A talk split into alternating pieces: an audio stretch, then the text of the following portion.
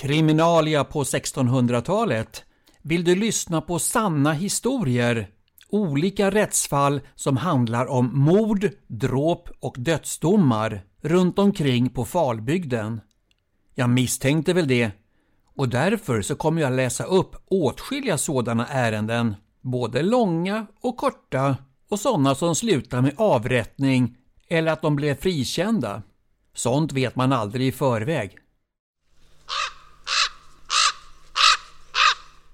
Kriminalia Rättsfall från Falbygden runt mitten av 1600-talet som berör mord, dråp och dödsdomar. Vartofta häradsting den 28 mars 1637 Fram inför rätten kom Elin Torstensdotter som var tjänstepiga hos Måns i Mossagården i Slöta socken. Och hon beskyllde Sven i Nätered i Slöta socken att han för fem veckor sedan, runt den 21 februari, hade varit hos sin fader Lars i Bosebacken i Slöta socken. Och om aftonen kom han dit och var då drucken, men även de andra var druckna. Då fattade Sven tag i henne och satte henne in till sig på sätet. Men efter en stund ville hon ta sin packning och häst och dra hem till sin husbonde. När hon gick ut kom Sven efter henne och ryckte henne in i ladan och förde henne mot en vedhög där han höll så hårt om livstycket att det gick sönder mot dörren. Sedan begärde han att få besova henne alltså att få intimt umgänge, vilket hon vägrade och sade att han skulle gå till sin hustru. Men han sade åt henne att tiga still samt fattade henne om båda axlarna och förde henne mot logen. Medan de brottades kom Svens hustru och hade en lykta i ena handen och ett yxskaft i den andra. Men då hade Sven fått Elin mot höstacken. Men hustrun slog, Först två slag mot Sven och gav sedan Elin några slag på munnen samt några slag på ryggen med yxskaftet varpå hon sade Gå hem till din matmoder! Då svarade Elin Gudskelov att du kom nu. Jag hade inte orkat värja mig mot honom så mycket längre. Därmed skildes de åt och Elin for hem till sin husbonde och matmoder.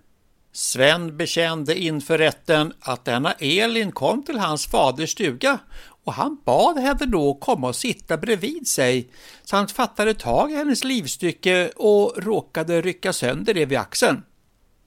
När hon suttit där en stund hos honom sa han till henne upp och dra hem till din husbond och matmoder. Då med detsamma gick hon mot dörren och han följde med henne ut samt gick upp till ladan och öppnade dörren. Sedan fattade han tag i henne och bad henne resa hem. Då stod hans syster och broder uppe på logen och tröskade med ljus. I detsamma kom hans hustru med lykta och ett yxskaft. Först stod hon honom och sedan Elin. Därom är båda parterna ense Eftersom det i samma ärende finns något misstänkt gjorde hon en anmälan tills man vidare kan utreda och göra händelsen uppenbar. Ett halvår senare, Vartofta häradsting den 10 oktober 1637 Fram inför rätten kom pigan Elin Torstensdotter och klagade nu, liksom på det föregående tinget den 28 mars, på Sven Larsson i Nätered i Slöta socken angående det övervåld som han begick mot henne i hans fader Lars gård i Bosebacken i Slöta socken, vilket är infört och förtecknat i tingsakterna eftersom Sven inte kunde fria sig att han i den akten innebröt med henne i dryckenskap och att han ville främja sin onda vilja, vilket skett såvida inte hans hustru hade skilt dem åt. Därför kunde inte rätten fria honom och han dömdes efter det tolfte kapitlet i Edsöresbalken och bör därför plikta för frid och ha allt sitt lösöre förbrutit. Ärendet gick vidare till Göta hovrätt den 21 oktober 1637. En dom från Vartofta härad över Sven Larsson i Nätered som beskylls av Elin Torstensdotter, ogift kvinna, att han begått våldtäkt på henne, rivit sönder hennes tröja. Ifall inte Svens hustru hade kommit till undsättning hade Sven blivit henne övermäktig, vilket rannsakningen och häradsdomen utvisar. Beslut. Det ska bättre ransakas. Punkt 1.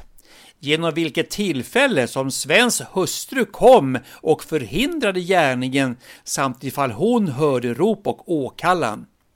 Punkt 2. Om blånad eller blodvite syntes på någondera av dem. Punkt 3 om vittnen finns som hört att Sven sade åt Elin att gå upp och dra sin kos och sedan följde henne ut. Punkt 4. Vad Elin ville uträtta uppe vid ladan och hur hon kom in i ladan samt om hennes väg var däråt. Punkt 5. Ska också noga utredas huruvida Sven har lägrat Elin och ifall hon har blivit med barn eller ej. Denna rannsakning ska sedan skickas till den kungliga hovrätten utan uppskov. Några dagar senare Vartofta häradsting den 8 november 1637 efter den höglovliga kungliga hovrättens nådiga beslut i Jönköping, vilket ankom till lagläsaren, var i befalles att efterföljande omständigheter ska underdånigt förfaras och lämnas till den höglovliga kungliga hovrätten utan uppskov. Punkt 1 befalldes att ransakas av vilken orsak som Svens hustru Ingrid kom till Bosebacken och förhindrade gärningen och ifall rop och åkallan hördes från Elin. Därom är sålunda funnet att Svens syster Karin samt pojken Karl Bryngelsson som då tjänade i Bosebacken båda bekände att samma afton följdes de åt till stallet med ljus medan Elin var kvar inne i stugan. När de hade fodrat kreaturen blev Karin stående på logen med ljuset och då kom Sven ut och gick upp till ladan och frågade vilka som var där med ljuset. Då släckte Karin ljuset, men Sven ryckte i dörren och bjöd ”Upp i den ondes namn!” medan han ryckte upp dörren. Då hörde de Elin tala, men om Sven höll henne eller ifall hon gick själv kunde de inte se mörkret. Men in i ladan följdes de åt medan Karin och gossen stod ute och hörde hur de började brottas inne i ladan. Då sade Karin åt Karl att han skulle löpa efter Ingrid och säga henne vilket bråk och klandervärdigt uppförande de båda höll på med. Då med detsamma löpte pojken över bäcken eftersom båda gårdarna ligger nära ihop och sade åt Ingrid det som Karin sagt åt honom. Strax sprang Svens hustru till lyktan och tog ett yxskaft i handen, varefter hon löpte upp och fann dem båda i ladan.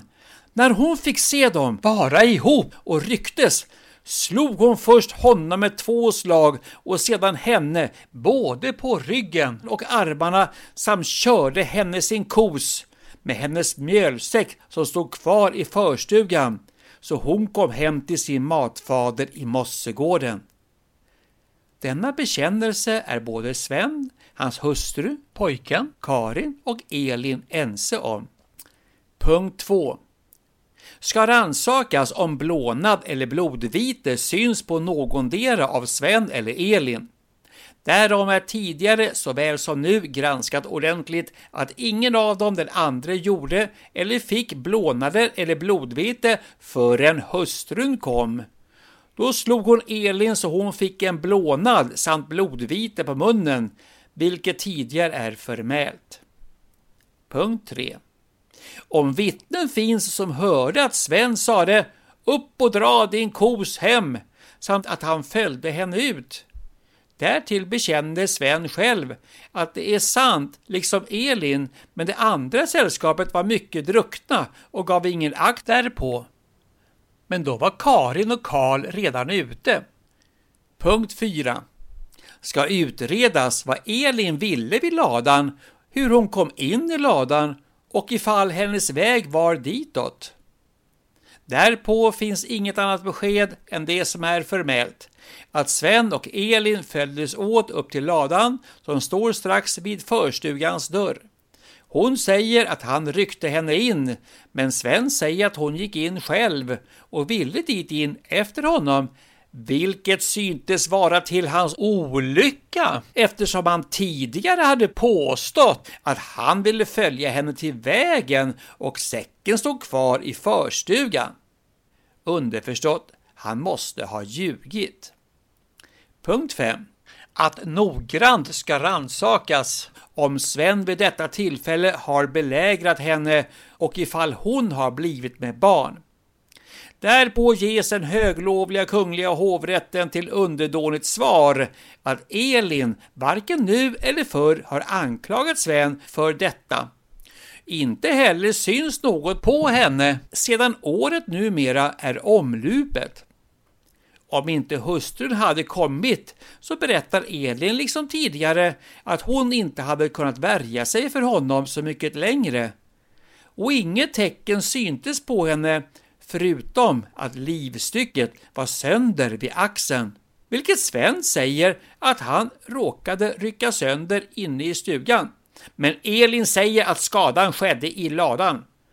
Om detta finns inget vittne utan allenas livstycket till vedermäle, det vill säga bevis eller vittnesbörd.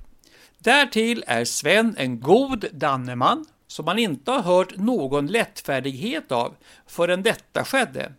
Vilka besked sänds till den höglovliga hovrätten för ett underdånigt svar. Ytterligare ett halvår senare, Göta hovrätt, omkring den 13 juni 1638. Mål nummer 3. Detta blad saknas faktiskt numera där hovrättens beslut presenteras. Här börjar istället mål nummer 4. Dessvärre så får vi alltså inte besked om hur ärendet slutade. Det enda vi kan se är att i mantalslängden för år 1642 så finns Sven Larsson införd under Nätered i Karleby socken, för det finns inget Nätered i Slöta socken vid den tiden. Gränsen gick lite annorlunda. Inte heller så finns det någon hustru Ingrid, så antingen så hade hon dött eller också hade hon dragit ifrån honom. Där bodde istället en piga vid namn Anna Persdotter men om henne vet inte så mycket mer. Inte heller hur det gick i det här målet.